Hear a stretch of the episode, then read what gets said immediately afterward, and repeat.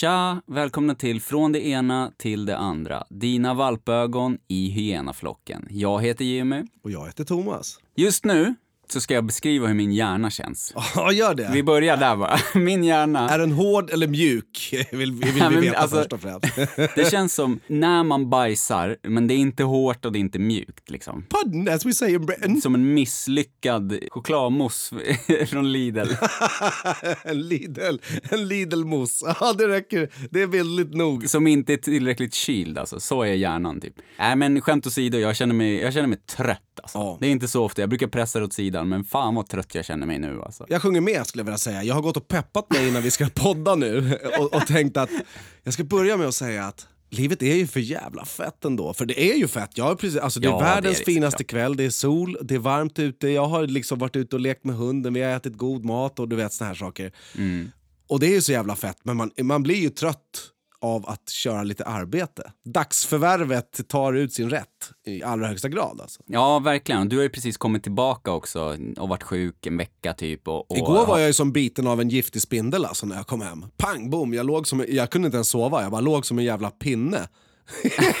som, Jag kände... som Frodo i Sagan om ringen. Vad Han, fan, ja, det var, jag... han är nästan död, förutom att han, han lever. Men han kan inte röra sig, han kan inte göra ett skit liksom. För han har blivit stucken av den här Det spindeln. var så jag kände mig. Men eh, vi satt vid matbordet här, apropå fin kväll. Vi satt vid matbordet nyss och eh, käkade och eh, barnen är vrålsjuka här hemma. Och Callie är superhes och snorig. Och Ja, det är höstskiten. Ja, precis. Och förskole, inskolningen. Apropå att du sa, det tar två dagar. Det tog två dagar, sen boom så var den vrålsjuk. Ja, Alltså. fan, så är det ju. Alltså. Det är de där jävla plastrostmackorna man har på förskola. Alltså, det är... Ja, de är fan inte att föredra alltså. alltså, det. Så satt vi vid matbordet och så säger hon så här, tittar hon ut så här och solen skiner ju, den håller på att gå ner där liksom utanför vårt fönster och man, den lyser liksom rakt in genom fönstret. Hon bara, det börjar bli mörkt ute nu, säger hon. Och jag bara, tittar på henne, jag bara, det är ju för fan sol! Titta, säger jag till henne bara rakt upp och ner.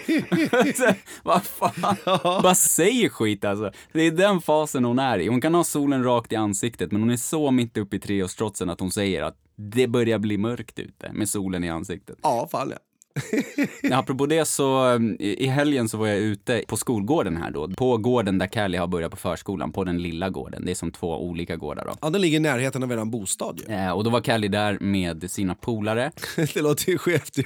Hon är där med sina polare som far runt i treårs, fyraårsåldern. Alla bara sprätter runt. Alltså. Men vi var ju med. Så att det är alltså, det är tre syskon. Två av de syskonen var med och jag vet inte vad de är. Alltså, det är en som är något år äldre än Callie och så är det en som är lika gammal. Ja. Typ. Så att, Det är en enda och, och sen är det egentligen. en till polare som är ett år äldre. Så tre polare. Och de håller ju på då att göra en sån här beryktad sandlådefika som vi har pratat om tidigare. Mm. Ja, givetvis. Som, apropå plastrostmackor. De är fina ju. Det är, det är härligt. Ja, Aristokratfika i, i sandlådan. verkligen. Och det här var ju en eh, riktig jävla slottsfika. Alltså. Det är en så jävla stor sandlåda på den här förskolan. Den är sjukt stor alltså. Ja, den ska ju täcka massvis med ungar. Och jag tänker, bygger man i, i modernt läge då kan man ju tänka sig att de behöver lite plats. För det har ju varit sandlådans gissel i alla dessa år. Det finns inte plats till alla. Vill några spela kula och några bygga sandslott, då blir det konflikt. Ja, precis. Så, och sen har de inte byggt större sandlådor sedan 70-talet ändå. Så att det var ju ett bra steg. Nej, precis. Och, och, och sandlådor som vi minns dem, alltså om vi har varit ute som tonåringar och suttit och tjuvrökt i någon jävla hydda på ett dagis, det har man ju gjort liksom. Hängt på skolgårdar på helger och kvällar och såna här grejer. För, Ja, fan det fanns basketkorg där, i regel. ja, precis. Och så håller man sig undan. Det är inga där heller. Nej, precis. Men de sandlådorna, de ser ju ut som, alltså det är två gånger två meter max. Ja, det är som en kattlåda för tigrar. Ja, exakt. Jag tänkte precis säga det ser ut som att en, en, en stor jävla dinosaurie har skitit i den, typ. Det är den kvaliteten på sanden ungefär. Ja. Och någon jävla Jurassic Park-bajs där i, i sandlådan. Alltså. eh, men det här är en riktigt stor jävla sandlåda. Jag vet inte hur stor, alltså. Jag är för trött för att uppskatta det nu, men det, den är, det är minst fem meter åt alla håll, alltså. Det är förmodligen mer. Och de dukar ju upp en hel sån sida, en och en halv sån sida liksom, dukar de upp då med massor av grejer. Alltså massa jävla kakor och de använder formar och de har lyckats få upp den där lådan där förskolan har alla sandleksaker som ska vara, ha hänglås på. Haha, they found the fucking treasure alltså. Ja visst, vilken jävla tur de hade. Grattis till alla Ja, barn. alltså de har liksom använt, alla jävla grejer har de använt. Ja, det är klart. Små fiskformar och allt möjligt. Det blir som världens jävla VIP-upplevelse upplevelse för dem att få upp den där lådan. Ja, verkligen. Och så leker de att jag fyller år då, för att jag är med där liksom. Och jag, bara, jag står ju där liksom och de far fram och tillbaka och gräver och, och Du slabbar. tänker, och... akta hästskiten. Fan, jag hoppas ingen unge klagar på att jag inte drack sanden och kastar den Ja, över men det är axeln det istället. de, precis, ja exakt. De springer fram och tillbaka och sen så är det den ena ungen där, den yngsta av de här bröderna. Det är jävligt viktigt för honom att jag äter katten sist. För Ja. det är en kattform där som ligger sist och du ska äta katten sist. Han älskar ju katter bara. ja, precis. Stackars barn. Att jag ska äta katten sist, jag fattar det. Så det är jävligt oklart varför. Om det är för att den ligger liksom sist eller om det är liksom kanske var hans finaste sandkaka någonsin i livet. Till exempel. Ja, precis. Eller är den förgiftad? Jag har ingen aning alltså. Så, Ja, vad som helst. så, så det som händer är att jag får ju lägga ungefär kanske 23 minuter på att låtsas äta varenda jävla grej som står uppdukad där medan de står och tittar. Åtta skitstora ögon bara står och Ja, stirrar på mig De alltså. tittar ju, därför kan man inte slänga över axeln varje gång. Nej, Man måste liksom var- sätta det framför munnen, låtsas tugga och hälla det sakta neråt. Ja, längs tröjan typ ner i armhålan liksom. Det är skitbökigt. Men, och, åtta skitstora ögon som bara stirrar på mig liksom. Och sen så när jag kommer till den här jävla katten så bara tar jag den och så lyckas jag på ett snitsigt sätt då hiva bort det medan jag låtsas äta det och så säger jag Mm, vad gott det här var liksom. Och, så, och de bara tittar och så flinar de så här. Ser, så nickar de så här belåtet Ja, liksom. Att. Fan vad bra att han käkar den liksom. Och sen så säger han till mig bara det var bajs. den sista. och sen- Så det var Ja, vad bra, fan, man, då var han ju vänlig, vänligt sinnad men omedveten om det egentligen. ja, precis. Man kan ju ifrågasätta motivet lite men han gjorde ju rätt. Även fast man inte vet varför. Ja, precis. Vilken lirare. Så att ja, det var en, en klassisk sandlådefika. Jag tänkte, jag tänkte på det just också för att vi hade pratat om det i podden och du hade nämnt det där. Det är tråkigt som satan att sitta och ta en sån där fika. Och, Helvete tråkigt alltså. och jag var verkligen tvungen att ta varenda grej. Nu tar du den liksom. Och då gick igenom. Du gick på en sandlådebuffé alltså. Next level shit alltså. Alltså det tog dem en timme och en kvart typ att förbereda festen och sen så tog det 23 minuter ish att äta allting. de är helt inne i det där och sen efter det då är, då är de helt yra ungarna. Färdiglekta Ja, det är då de går hem och grinar på vardagsrumsgolvet liksom. Ja, fan ja. Ja, det var gott. Apropå gott så tycker jag eh, att nu är det fart på våran tomt. Ja, Vi äter tomater och gurkor och squashar och fänkål och björnbär och en jävla massa goda grejer. Alltså, Kan du inte berätta lite? Du, alltså vi har pratat tidigare om att ni har ett växthus och att ni odlar lite grejer och så här. Hur pass omfattande är det för de som inte har en blekaste aning? Vad har ni för prylar på tomten? Vad är det för grejer och hur ser Alltså, det ut liksom? ja. det här avsnittet kommer vä- tyvärr bli 3.50. Jag börjar i det västra hörnet. ja, nej, men det som är igång nu det är att björnbär är igång och då är det liksom, det kan man gå ut och snacksa bara rakt av. Ja. Och ta från busken, men det gör ont så in i helvete. Man gör illa sig varje gång man plockar björnbär. Men den björn, alltså björnbärsbusken, den har du också hämtat någonstans, eller hur? Grävt upp? Ja, den har jag fått utav en gammal god vän till mig, hans farsa. Det, alltså, där, där min polare han växte upp i Brölunda. Ja, det säger sig självt. Ja, jag säger bara Brölunda. Så får, är man intresserad av det då kan man gå in på en GPS-app och googla Brölunda. Det händer inte mycket Ja. skit där. Nej. Hans farsa hade björnbär och där har han vuxit upp hela sitt liv. Och vi har jobbat ihop i 10 år och grejer, eller 15 år kanske. Och så köper jag det här huset och, eh, och vill ha björnbär givetvis. Och pratar med honom att Åh, vi ska odla det här och vi ska göra det där. För det var mycket sånt när vi flyttade hit att vi var sugna på att ha egna äpplen och du vet, ja, det är så jävla gott och härligt att gå och plocka lite från tomten och käka det typ. Det tycker vi båda och båda älskar mat och eh, Sonja är intresserad av odling. Till den milda grad att hon nu pluggar högskola då, trädgårdsmästare. Och eh, ja, jag åkte ut till honom och han fixade för sin farsa att jag skulle få björnbär från honom så att de här björnbären är liksom förvaltade över tid. Och hans farsa var en sån där lantisgubbe, växte upp och började jobba när han var sju och körde traktor när han var nio och har levt på travhästar och, och liksom såna här saker. Trevlig gubbe liksom, lantisgubbe. Eh, och han fixar en björnbärsplanta till oss som varje år ger skitmycket bär. Men den var alltså etablerad redan? Ja, den var etablerad hemma hos honom. Och, men han klippte ner den och grejer så han gav mig en skitstor rotdel i en eh, jordklump. Liksom. Så att det var inget knas för att få in den i bilen för han vet ju hur jävla illa de där... Alltså, jag vet inte vad jag ska jämföra med. Det är det fan det vassaste skit som finns. Det är värre än knappnålar som sticker åt alla håll. Och så finns det goda bär i mitten så stoppar man in handen där. Fastnar man inte med tröjan då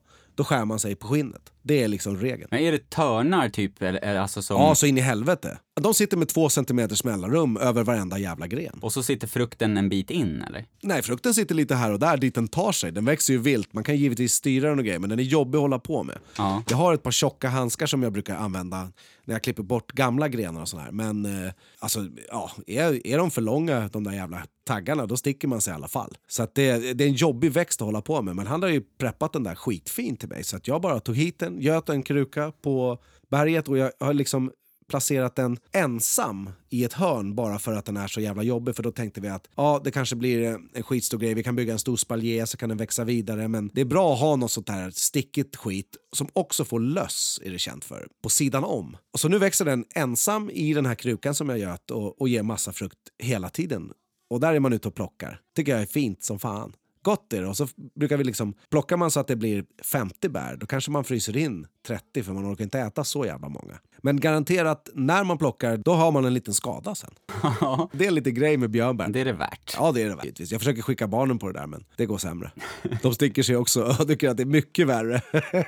och Sonja är för kort. Och hit och dit, så jag står ju där och plockar dem där. Men det gillar jag. Men det är stora, feta, fina björnbär alltså. Jag, jag har ju sett dem där. Ja, det är så jävla fint. Det är så jävla romantiskt skulle jag vilja säga. Det känns som någonting som, är, som inte finns längre på något sätt. Jag känner en kärlek till det även fast det inte är mitt intresse utan ja, jag älskar det bara att gå ut och plocka grejer och, och Ja, nu fastnar jag in på de här jävla björnbären, men vi har två växthus. Jag byggde ett jättestort växthus, ett engelskt växthus till Sonja när hon fyllde 30, som en födelsedagspresent som är fastgjutet i berget och det är 3,20 högt i ena sidan och så är det snedlutande och 2,70 i andra sidan.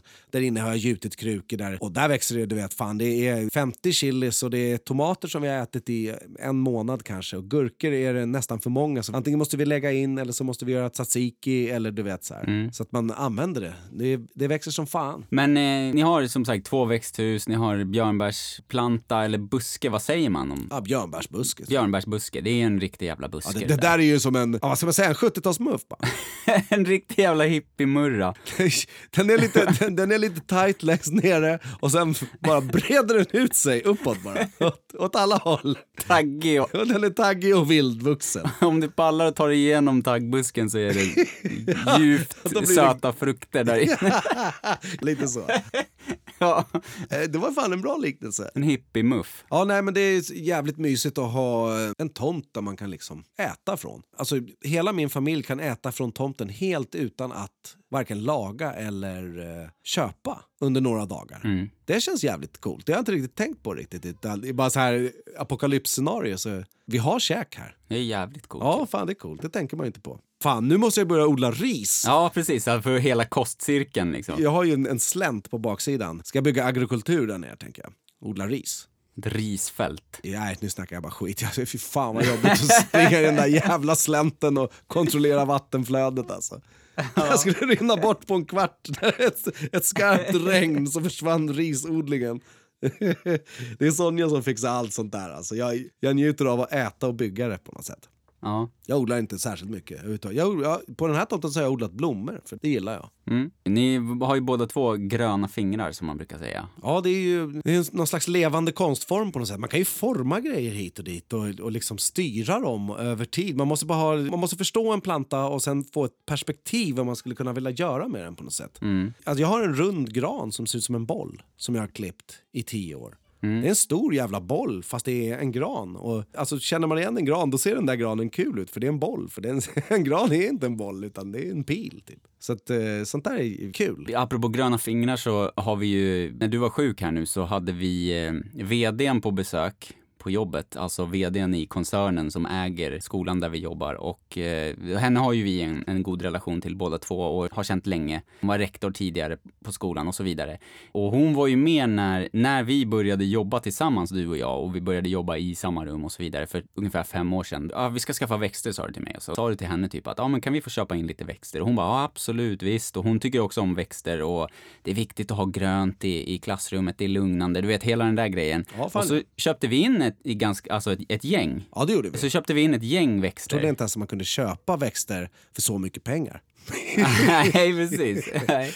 Det var ju vansinnigt tyckte jag. Ja, men hur som helst så var hon på besök nu och så kom hon in då så här och så stod vi på avstånd. Åh, vad kul att ses och grejer. Och det var länge sedan vi träffades liksom. Och Ja, det är det. Det blir ju sällan. det var fint ni har det här, verkligen. Verkligen jättefint och det känns så stort och ni har möblerat bra och så växter. Och så sa jag så här, ja, växterna lever. Då bara tittade hon på mig så bara, va? Såg hon helt chockad ut? Och då sa jag, ja det är samma växter som vi köpte in tillsammans liksom. Eh, och hon var med då tror jag och hämtade växterna eller något sånt Ja, det var, också. det var hon som körde bilen. Ja, hon ja, precis. Hon körde dit dem. Så att hon var ju så här bara wow, shit vad bra jobbat av er liksom. Och, och där är en sån här grej bara liksom. Att, Materialunderhåll skulle jag vilja säga. ja, precis. Och, och verkligen att ta hand om det och de har växt som satan och, och jag har tagit eh, sticklingar på några och sådär. Så att det, det är verkligen, eh, jag tror att det där har att göra med just att man, att man måste vilja förstå och sen krydda med lite kärlek bara. Ta hand om dem på rätt sätt, Ja, individuellt. absolut. Liksom. Och så, så överlever de. För att ja, alltså, jag känner folk som, som bara, "Nej, jag kan inte ha en enda växt hemma, jag bara dödar allt. Liksom. Ja, det är ju skumt ju. Det är inte, så, så jävla svårt är det inte. Nej, men jag tror det har att göra med att man måste bry sig. Liksom. Glöm inte bara. På något sätt. Och sen, så här, alltså, fördelen är ju att man gillar dem. Eh, två av de där växterna som vi har i det där rummet eh, är ju 15 år gamla också. Ja, Och de började jag ta ifrån innan skolan flyttade till det stället som vi jobbar på nu. ja, Eh, och de är ju fan, en är lika hög som mig och den var ju ja, 10 centimeter från början. ja. De där växer. Plantera om, plantera om, plantera om och, och du vet, fan det är Det är häftigt. både pedagogiskt att plantera om och eh, Ja. roligt och man gör någonting annat och man tar hand om växten och man får någonting för framtiden och du vet, det är en sån jävla win-win-win grej som man Ja. kan tänka på. Det är ju vackert. Ja men eh, verkligen och jag tror att jag, alltså nu, under tiden jag har umgåtts med dig nästan dagligen och, och liksom reflekterat kring de här grejerna och lärt mig uppskatta växter och naturen och så här. Inte bara tack vare att vi har hängt utan det är också en grej att jag, mitt intresse har liksom dragit mer åt det hållet och jag är absolut inte så här att jag liksom odlar och sår och alltså massa såna här grejer men jag blir mer och mer intresserad och jag blir intresserad av liksom, jag, alltså jag tycker att det är häftigt det här att man kan ta från ett frö till någonting som bara växer och växer och växer. Jag har alltid varit liksom en så kallad asfaltsunge. Ja, precis. Alltså lite som, som du vet som... som Jo, men har man det inte i sin närhet då är det helt jävla ovanligt att odla någonting överhuvudtaget. Det är liksom som en, en liten pedagogisk lek på förskolan och så sätter man ett gurkfrö och så kommer det upp en planta som sen dör i ett mjölkpaket i ett fönster. Ja, precis. Men jag har liksom alltid varit en riktig jävla asfaltsunge, skatat eh, och, och liksom lyssnat på hiphop och, och väldigt likt din äldsta son Amani nu som säger jag vill fan inte bo i den här jävla skogen och han vill skata och vara i betongparken. Ja, precis. Ja, nej, fan, han vill ha ett sten och, och gärna marmorplattor skulle han ha, ett par gator. Ja, precis. Och så har jag alltid varit. Och jag har alltid liksom, jag har aldrig varit barfota, jag har haft strumpor och gympadojor och jag har skate. Alltså du vet, sådana där enkla små grejer liksom har jag lärt mig uppskatta nu. Som att liksom gå ut i skogen med ungarna, vara där, bara liksom fäktas med ett par pinnar man hittar, klättra Ja. lite i träd, eh, liksom uppskatta Höra massa grejer alltså. Ja, men ut, utan att liksom, man kan ju tycka att det så här känns flummigt, men för mig är det allt annat än flummigt. Det är så jävla objektivt för att, som vi pratade om för någon månad sedan här också med när vi var ute i skogen på, via jobbet och sådär, men att bara titta på träd, hur jävla stora de kan bli. Ja. Och att jag fascineras över det att liksom, ja men som om vi tar ett träd till exempel, så här, det, det är liksom det enda som bara växer och växer och växer och växer tills det dör. Ja, fan ja.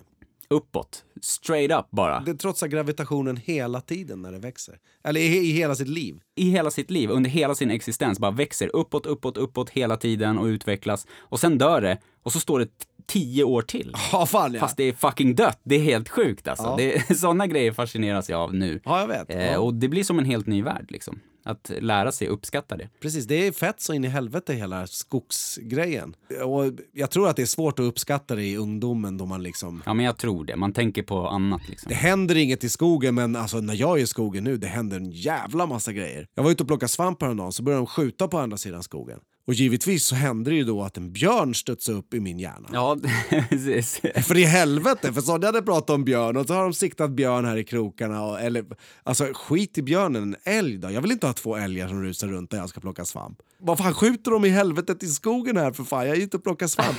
och då, det, jag älskar i skogen och det är så jävla varierat och, och kul och man tar några bär och man plockar någon pinne och man går in i ett spindelnät. Det blir massa små chockar fast de är ändå härliga på något sätt. Ja, men precis. Igår så pratade du och jag om det här med, jag sa till dig att jag känner i mitt liv, i min personliga utveckling, att det är viktigt för mig att vara obekväm för att växa. Och det handlar inte om att jag ska göra grejer specifikt som jag tycker är jobbiga, men att jag, utan snarare att jag inte ska ge vika för det bekväma, alltså att äh, strunt i det liksom, eller jag undviker det här för det kan bli lite jobbigt och så, ja. utan jag gör grejerna då. Ett bra, ett bra exempel är ju till exempel att gå till tandläkaren då. Det om man är lite rädd för det eller tycker det, det, ingen tycker väl det är soft att gå till tandläkaren, men det är jävligt lätt att bara skjuta upp, skjuta upp, skjuta upp.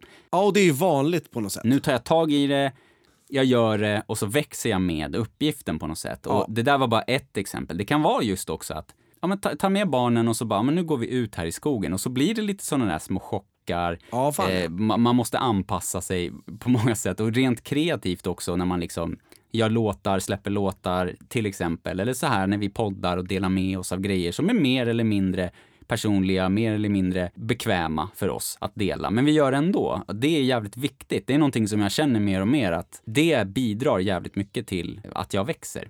ja, person. fan absolut. Att det, att det är obekvämt och grejer.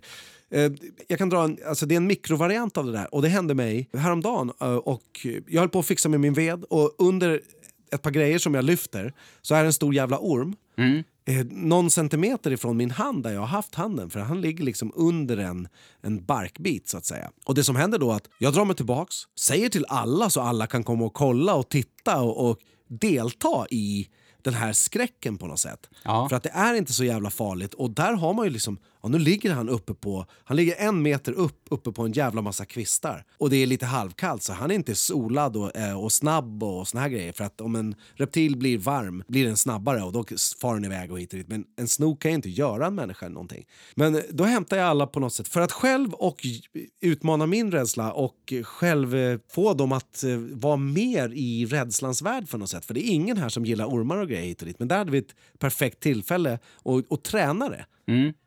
Det är så liksom som en mikrovariant av det som du precis har sagt. Bara att, ja, precis. precis. Eh, där var det obekvämt, vi hittade ett tillfälle och eh, så använder vi det tillfället att växa på något sätt. Medan eh, de här existentiella grejerna är ju, de kan ju både ta tid och eh, vara bökiga på något sätt. Ja, för det kan ju vara grejer som att våga säga vad man känner för någon eller våga säga nej. Och det är ju mycket värre än att titta på en orm. Ja, precis. Men, men det är ändå det här utmanandet på något sätt. Ja, men alltså det som är så fascinerande här också, det, om vi tar ormen då som exempel, det är som du säger, den där kan inte göra mig någonting. Du vet det, men samtidigt ser den exakt likadan ut som någonting som kan döda dig på ett jävla bett. Liksom. Ja, fan ja. Exakt likadan, alltså ex, eh, rent estetiskt och, och liksom i, i eh, skinnet och allting så här. I hotbild också. Ja. Man känner sig ju fett hotad av någonting. Alltså jag. Jag, ja, precis. Den är på något sätt, ja, den, den är hot, den har hotfull form när, när ja, den är precis. på något sätt. Man vet inte hur, när den skjuter upp mot ens adamsäpple. Liksom. Nej, precis. Och sen framförallt, och det, och det tror jag verkligen, verkligen på, framförallt så ser man dem så sällan. Och alltid när man ser dem så blir det chockartat för att du inte är beredd på att se den. Det blir samma som om du ser en stor jävla spindel. Det blir också så här... Fan, jag hade ju gått bort med de här jävla barkbitarna och grejer. Jag såg inte den förrän jag kom tillbaks. Och då, och, och då började jag säga, för fan, jag har ju precis tagit där under och lyft hela skiten och då har jag ju hållit på med det. Han kan ju ha legat bland barkbitarna och grejer och rasat ner på, på grenhögen. Ja, liksom. fan, slingrat ut bland din, mellan dina fötter och grejer. Ja, det skulle han kunna ha gjort. Ja. Då hade jag hoppat Nej, men, eh, mer än stampat. Som, ja, det kan jag tänka mig. Alltså.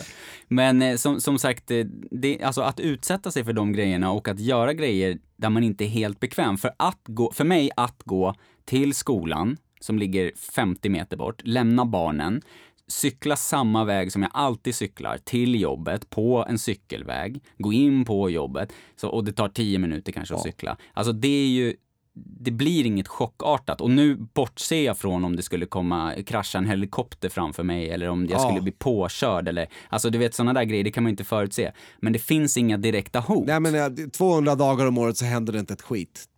Nej, precis. Och det finns inga direkta hot. Och, men när du går ut i skogen, på något sätt så påminns man om hur jävla liten man är. Ja det är man ju. Jämfört med alla de här träden och, och även liten rent metaforiskt jämfört med när man ser en orm till exempel. Då känner man sig liten. Ja, man ja. känner sig hotad, även fast man innerst inne vet att det är lugnt. Liksom. Mm. Eh, Man blir för, kan ju för fan vara rädd för att få en fästing.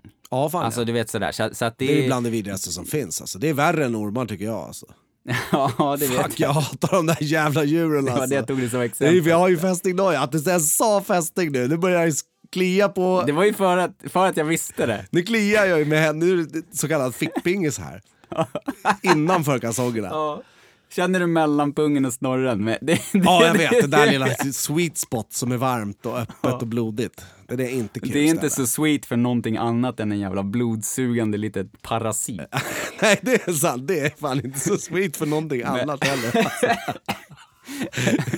Men eh, det här spiller ju över även på det kreativa och jag känner mig ju liksom, det, det är inte så att jag bara går ut i skogen för att jag vill pusha mig själv. Men jag börjar tänka så mer och mer aktivt att liksom göra grejer som är lite obekväma och framförallt eh, inte kanske som är obekväma, men att inte hela tiden välja det lätta alternativet. Nej, att välja så här kortsiktig... Det är nog jävligt nyttigt att, att göra det lite svårt för sig själv. Ja, precis. Det kan vara en lång process, det kan vara en kort process, men jag tror att man ska börja den för att det är inte bara lätt. Nej men exakt, att välja bort kortsiktig bekvämlighet för långsiktig utveckling. För att om jag sitter i soffan och så är det så jävla skönt och jag är så jävla trött och min hjärna är som semi-diarré. Lidl-pudding. Ja, precis. Semidiarré.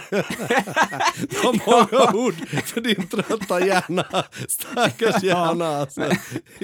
Men då, då, om jag då tar beslutet att kliva upp, gå in i studion, sätta mig, försöka göra någonting av det liksom. Att göra någonting kreativt, bara göra någonting. Showing up is half the job. Ja, fan ja. då har jag ju gått från det som är bekvämt. Och på sikt då så kanske jag vinner någonting för att jag kanske gör en låt då, bara för att jag reser Just på mig. nu i detta nu när du säger det här så blir jag så jävla motiverad så att jag ska spela in lite gitarr efter vi har poddat färdigt. Ja, fan vad nice. Så, så känner jag av bara det du sa. Det är klart man ska göra det. För fan, det är det jag menar med att jag tänkte innan vi började podda att jag skulle säga att fan det är härligt, livet är och bra. Det där var, du satte du ord på min känsla som jag Ja, inte bra. har. Fan vad bra. Det är precis det som jag vill. Det är därför vi ska sitta här och podda för helvete. Precis, det är därför vi gör det varje vecka. Och ja, men på riktigt, om jag ska fortsätta på det spåret då, just med att podda, att dyka upp här. Både du och jag kände att, alltså det här är typ sista dagen att podda nu, så att vi ska hinna få till ett avsnitt till på måndag. Ja. Eh, vi båda två kände, till och med du sa, jag vet, jag vet inte fan vad jag ska snacka om, för att vi var så jävla off och så jävla trötta. ja, det, jag kände mig konstig när jag sa det. Och alltså. jag eh, kände mig också helt jävla off. Det händer ju ibland för att jag, jag kommer direkt från småbarnsjidder eller, eller något sånt där. Men Ja, givetvis. givetvis. att bara dyka upp och att sen pusha lite grann så här, att ha ett bollplank energimässigt och kreativt så här. Att bara bolla lite, snacka lite skit och så där. Det gör så jävla mycket. Och sen som, som vi sa tidigare i veckan när vi pratade, det blir vad det blir. Ja, fan ja. Vi dyker upp här, vi hade släppt det här avsnittet även om vi hade suttit och bara pratat om hur trötta vi är och försökt vrida och vända på det. Ja. Det leder ingen vart. Därför så ledde det någon annanstans nu och det spiller över på jag håller ju på, på att eh, göra klart massa musik nu och vi ska börja släppa musik nu eh, i slutet av september. Ja, det blir lite alltså. Det kommer bli fett ju. Det blir releaser och grejer. Ja, det känns Det skitkul. kommer bli faktiskt. skitcoolt alltså. Det börjar bli verklighet nu. Det är det ett, ett brett arbete med ett, eh, ett schysst gäng. Ja. Och det är feta låtar. Jag har hört dem.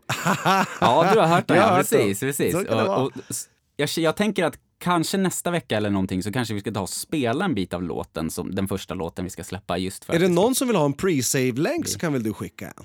Ja, absolut. Om du lyssnar på, den här, på det här avsnittet och känner att du vill förhandsspara kan man väl översätta pre-save, eh, på Spotify. Ja, det kan man göra. Det är, lite, det är en bra översättning. Så skickar jag en länk personligen. Låt den inte ute, man kan inte lyssna, men man kan spara den så att man får den i sin Spotify. Det här är superexklusiv hemlighet här i podden för att gentemot den internationella följarskaran som jag ändå på något sätt riktar mig till på min Instagram när det gäller musik och så vidare och på, via min artistsida på Facebook och så. Där blir det ju lite mer chockartat. Det blir så här, hej, här är en låt, ska jag släppa den? Ungefär så. Det är ju oftast så det blir liksom när det väl är dags att släppa en låt. Men vi har redan planerat det. Ja, precis. Eh, och eh, ja, nu börjar jag snacka om musik här, men vi håller på och förbereder och jag pratade ju för ett gäng avsnitt sen om att jag hade känt mig lite off och så för att det hände mycket bakom kulisserna. Det, det, vi har liksom ändrat om i teamet och så. Och nu är det jag och Tim, Tim Karlberg, han har varit med inblandad i att eh, producera på... Ja, kolla in Tim för fan. Han är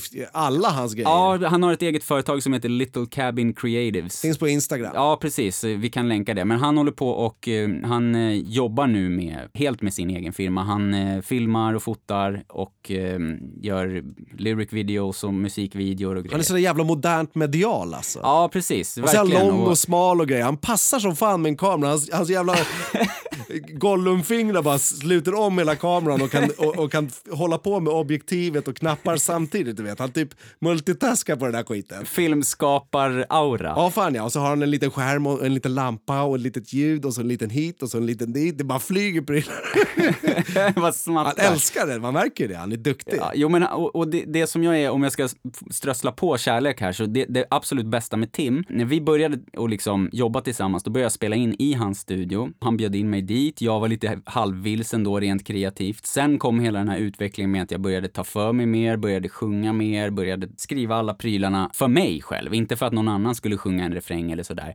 Eh, jag ska inte dra ut på det för länge, men vi fortsatte jobba tillsammans, han flyttade till Norrtälje, vi spelade in mycket i hans studio, eh, han har producerat på och spelat in eh, Stone Cold som finns ute, ehm, Seas också, och sen har jag också spelat in fler låtar som är släppta hemma hos honom. Och varit med och producerat, producerat, En, en slags miniserie kring eh, inspelandet av de här låtarna också som finns på Youtube. Precis. Som är, är snyggt gjort. Det, det där är någon slags eh, förarbete för vad han faktiskt gör nu, skulle jag vilja säga. Jag tycker det är snyggt med klipp och, och, och grafik och allt sånt där. Exakt, och det, den heter Life Got In The Way och den finns på min Youtube-kanal. Ja, kolla in den, den är fett kul alltså. Men det han gjorde då, det var att det var då han började träna på att filma, började lära sig att filma. Och det var det jag skulle komma till, det absolut bästa med honom, det är att han är inte ett dugg rädd, eller så är han livrädd och gör det ändå och är fett modig i att lära sig nya saker, ta för sig inom nya områden och att pusha sig själv. Och det har, precis så som vi pushar igång varandra nu till att bli sugna på att göra någonting, så blir jag sugen på att göra någonting för att jag ser hur hur han är. Han är lite yngre än vad jag är. Han är fett hungrig och sugen på att lära sig grejer och det som har hänt nu är att nu är, har han lärt sig att mixa. Eh, och för de som inte är jätteinsatta i musik, så att mixa en låt, det, det är alltså, man ställer in volymer och man behandlar ljudfilerna, alltså sången och, och, och trumslagen. Och, och man gör det lite jämnt och, och, och liksom inte jobbigt. Ja, precis. Och se till att det låter bra. Alltså man är inne och, och styr frekvenser, så det är väldigt mycket som man känner och hör att det låter bra, men man kan inte säga vad det är. Nej, men står liksom. man och sjunger högt i ett rum, då finns det, då finns det ljud från munnen, det finns ljud fram framför munnen, det finns ljud bakom munnen. Mm. Och det måste man på något sätt skära av lite här och där. Ja, exakt. Så det som vi gör nu, det är att det är jag och Tim och sen så är Malin också med i, i att göra marknadsföring och grejer. Men det är vi som gör hela produkten mm. fram till låtsläpp. Och eh, det var det som var det som kändes så jävla läskigt för några månader sedan och då ja, fortsatte vi pusha. Ja, precis. Du vet om det. Eh, det är inte någonting som vi har pratat så mycket om utåt liksom. Och jag var inte så jävla spe specifik då heller när jag pratade om att det var lite läskigt. Nej, men vi har pratat om det i podden också, att det var liksom... Eh, ja. Att det var vid ett vägskäl.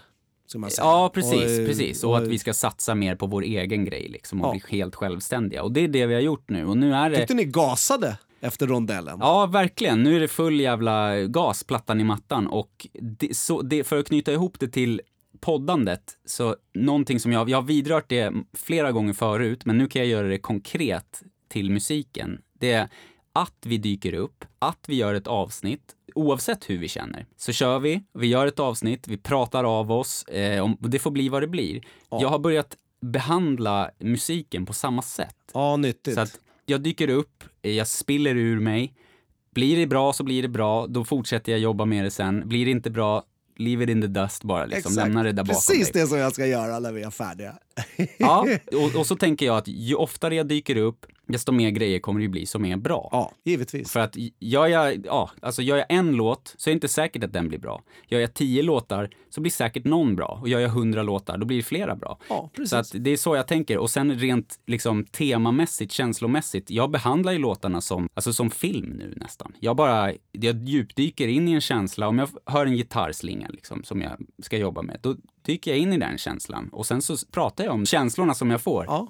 Och sen så um, går jag vidare bara. Jag lägger inte så jävla stor värdering i det och, och liksom hänger upp hela livet på att det här är min historia och grejer. Nej, precis. Men, man, men livet är så jävla långt och man har så många små kopplingar man kan också göra till det där på något sätt. Jag tror att det är, även fast du skriver ur ett, ett slags eh, manusperspektiv som händer under tiden du får en känsla så kan du koppla vissa saker. Mm. Alltid ändå på något sätt. För att det är ju mycket i livet som man kan koppla till saker som man faktiskt säger eller som man känner. Så känner du någonting, då är det kopplingsbart för många. Ja, men verkligen. Och, och det som händer då, det är att jag kan sitta och liksom flumma loss hjärnet och, och mumla och börja... Och jag gör ju så ofta, jag spelar in, mumlar melodin, melodin blir bra, då mumlar jag tills jag har ord, går vidare, spelar in del för del för del för del. Till slut har jag en låt. Ja. Sen tre månader senare, då kan jag lyssna på låten och så kan jag bli så jävla berörd att jag börjar gråta för att jag liksom, shit, det här är, det här är precis mitt liv Ja, precis. under den här tiden. Eller, eller det här är den känslan jag kände. Ja, exakt. Där har du ju fått nya kopplingar till den efter några månader Ja, också, exakt. Givetvis. För att göra en jämförelse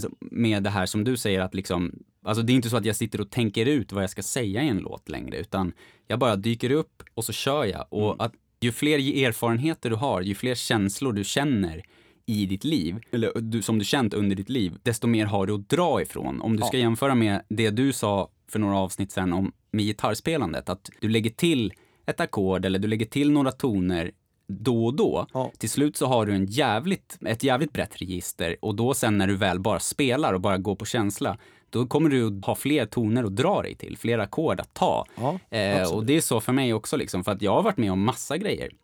Både bra grejer och dåliga grejer och, och, och trauman och fantastiska erfarenheter och så. Och de grejerna spills ju ut över låten. Liksom. Ja, precis. Ja, jag känner mig jävligt passionerad för det här nu för att jag känner att det är så jävla kul och Det är spännande med låtsläpp och grejer också. Och det är snygga framsidor och det har, ni jobbar, du, jobbar ju mycket med det här. ja, absolut. Du har ju, har ju lagt ner ditt hjärta och din själ. Ja, och jag gör det på, på kontinuerlig basis. Liksom. Ja, precis. Och då är man ju på något sätt eh, on the go. Man är redo, man Mm. är i startgroparna hela tiden. Precis. Även fast det liksom är, man släpper, men då blir det gammalt så ska det på nytt. Ja. Och det, jag tror att det är nyttigt. Man är, håller sig alert att arbeta på det viset. Jag tänker det också att det, skillnaden nu är att jag känner inte att jag har någon press för att jag har inget liksom så här nu, bara jag släpper den här låten, då kommer det här hända. Jag har ingenting sånt, Nej. utan det är bara kreativt som jag känner att jag vill dyka upp hela tiden. Sen det som blir, som blir låtar som vi kan släppa, vi bara släpper dem. Och vi släpper dem i den ordningen som, som de har blivit färdiga, typ. Eh, Jag kommer inte släppa alla idéer jag gör, men allt som blir låtar, släpp det i den ordningen, var inte så jävla strategisk. Släpp så ofta du kan, släpp alla låtar innan de blir gamla, för sen så utvecklas man ju. Det är som i livet liksom, alltså som kläder. Om du, man, vi tänker att du går och så handlar du massor av kläder efter vad du är sugen på nu. Och sen så sitter du och, och så gör du ingenting mer om i tre år, på tre år. Liksom. Nej, du använder precis. inte kläderna och skorna som du har köpt som du tyckte var så feta, utan du bara väntar och väntar och Ja. väntar på rätt tillfälle att ha dem. Till slut så har du ju köpt massa nya kläder som du hellre har. Och då är de där kläderna gamla och det är samma sak med låtar och så har jag gjort tidigare. Ja, sparat dem. Och jobbat med människor som sagt att jag ska spara på grejer och... och... På något sätt så spar man och ändrar känslan då ju också. Ja, precis. För livet är ju föränderligt. Alltså, det händer ju saker hela tiden och om du liksom dyker upp, om du, om du jobbar i studion hela tiden, vilket jag tänker göra nu, då kommer det kommer ju nya grejer bara, hela tiden. Det, det finns inget slut. Det är som kärlek. Liksom. Den, den tar inte slut. Det Härligt, fin, alltså. alltså, om du har tre barn och så ger du massor av kärlek till ett av dina barn, det är inte så att du har slut på kärlek då, så att du inte kan gå till nästa barn och ge barnet massa kärlek och uppmärksamhet. Nej. Det är samma sak här. Det är bara att dra och dra och dra och dra. Det tar inte slut. Liksom. Nej, precis. Och samla på sig nya intryck, Ja, såklart. precis. Fan, det låter ju sunt. Där befinner jag mig just nu och eh, nu är vi bara... Jag skulle vilja säga att det låter som hälsan själv. ja, jag tycker det också. Du har inte ens cancer i halsen för fan. Nej, jag har inte ens cancer i halsen. Och i, sitter på en rymdraket av kreativitet alltså. Det sprutar ju Lidl-pudding om dig alltså, när du flyger uppåt. Ja, verkligen. Semidiarrén bara flyger. Ja. Nej, men det känns råfett och eh, det, vi får se vad som händer. Men eh, vi kommer säkert att prata en del om det nu, för det kommer ju bli en stor del av livet. Ja, fan ja. Eh, och det är en stor del av livet, bara det att jag inte vill prata om det så jävla mycket eftersom att, ja, det är någonting som jag har gjort liksom på på mina kvällar. Ja, jag tänkte att vi ska göra en liten en, en, en recap Jimmy musikalisk resa genom livet. Ja, du är sugen på det ju och jag tycker det låter som en bra idé. Ja, fan ja. Du vill alltså, Det är en stor del utav dig och, jag, och eh, Ja. apropå att man knyter an känslor till låtar och grejer och vad som har utvecklats ifrån någonting så kommer vi kunna få en jävla massa, det är nästan så att vi ska ses och göra det. Mm. Det avsnittet för att eh, jag tror att det kommer bli mycket reflektioner och mycket jämföranden och tidsperspektiv och grejer. Jag tror att det kan bli en, en häftig resa på något sätt. ja, Jag har ju följt din resa sedan du var 15 eller vad fan det kan vara. ja precis. Och den är fet. Så jag tänker att det ska, det ska du bjuda på. Ja, det som du tänker då, om man ska sammanfatta det lite, det är som idén som du hade, det är att, att vi har ett samtal, precis som nu när vi poddar, vi gör en podd helt enkelt, Ja. där vi pratar om Ditt musikliv. mitt musikliv från början och sen så blir det säkert historier, det blir Ja. grejer som, där du relaterar och förmodligen har varit med om liknande grejer. Ja. Och sen så går vi igenom det bara och så får det ta den tid det tar. Ja, jag tycker det kan vara nyttigt. Eftersom vi ligger och drar på ettårskalaset nummer två.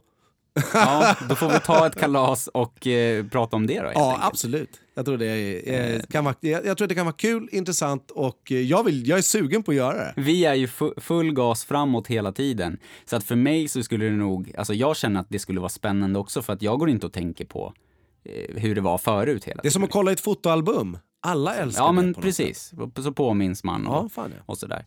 Eh, om det är någonting som ni skulle vilja höra får ni jättegärna skriva till oss så kanske vi får eh, tummen ur röven så att säga och gör det snabbare än annars. Ja, som blixten, som en oljad blixt med Lidl-pudding på.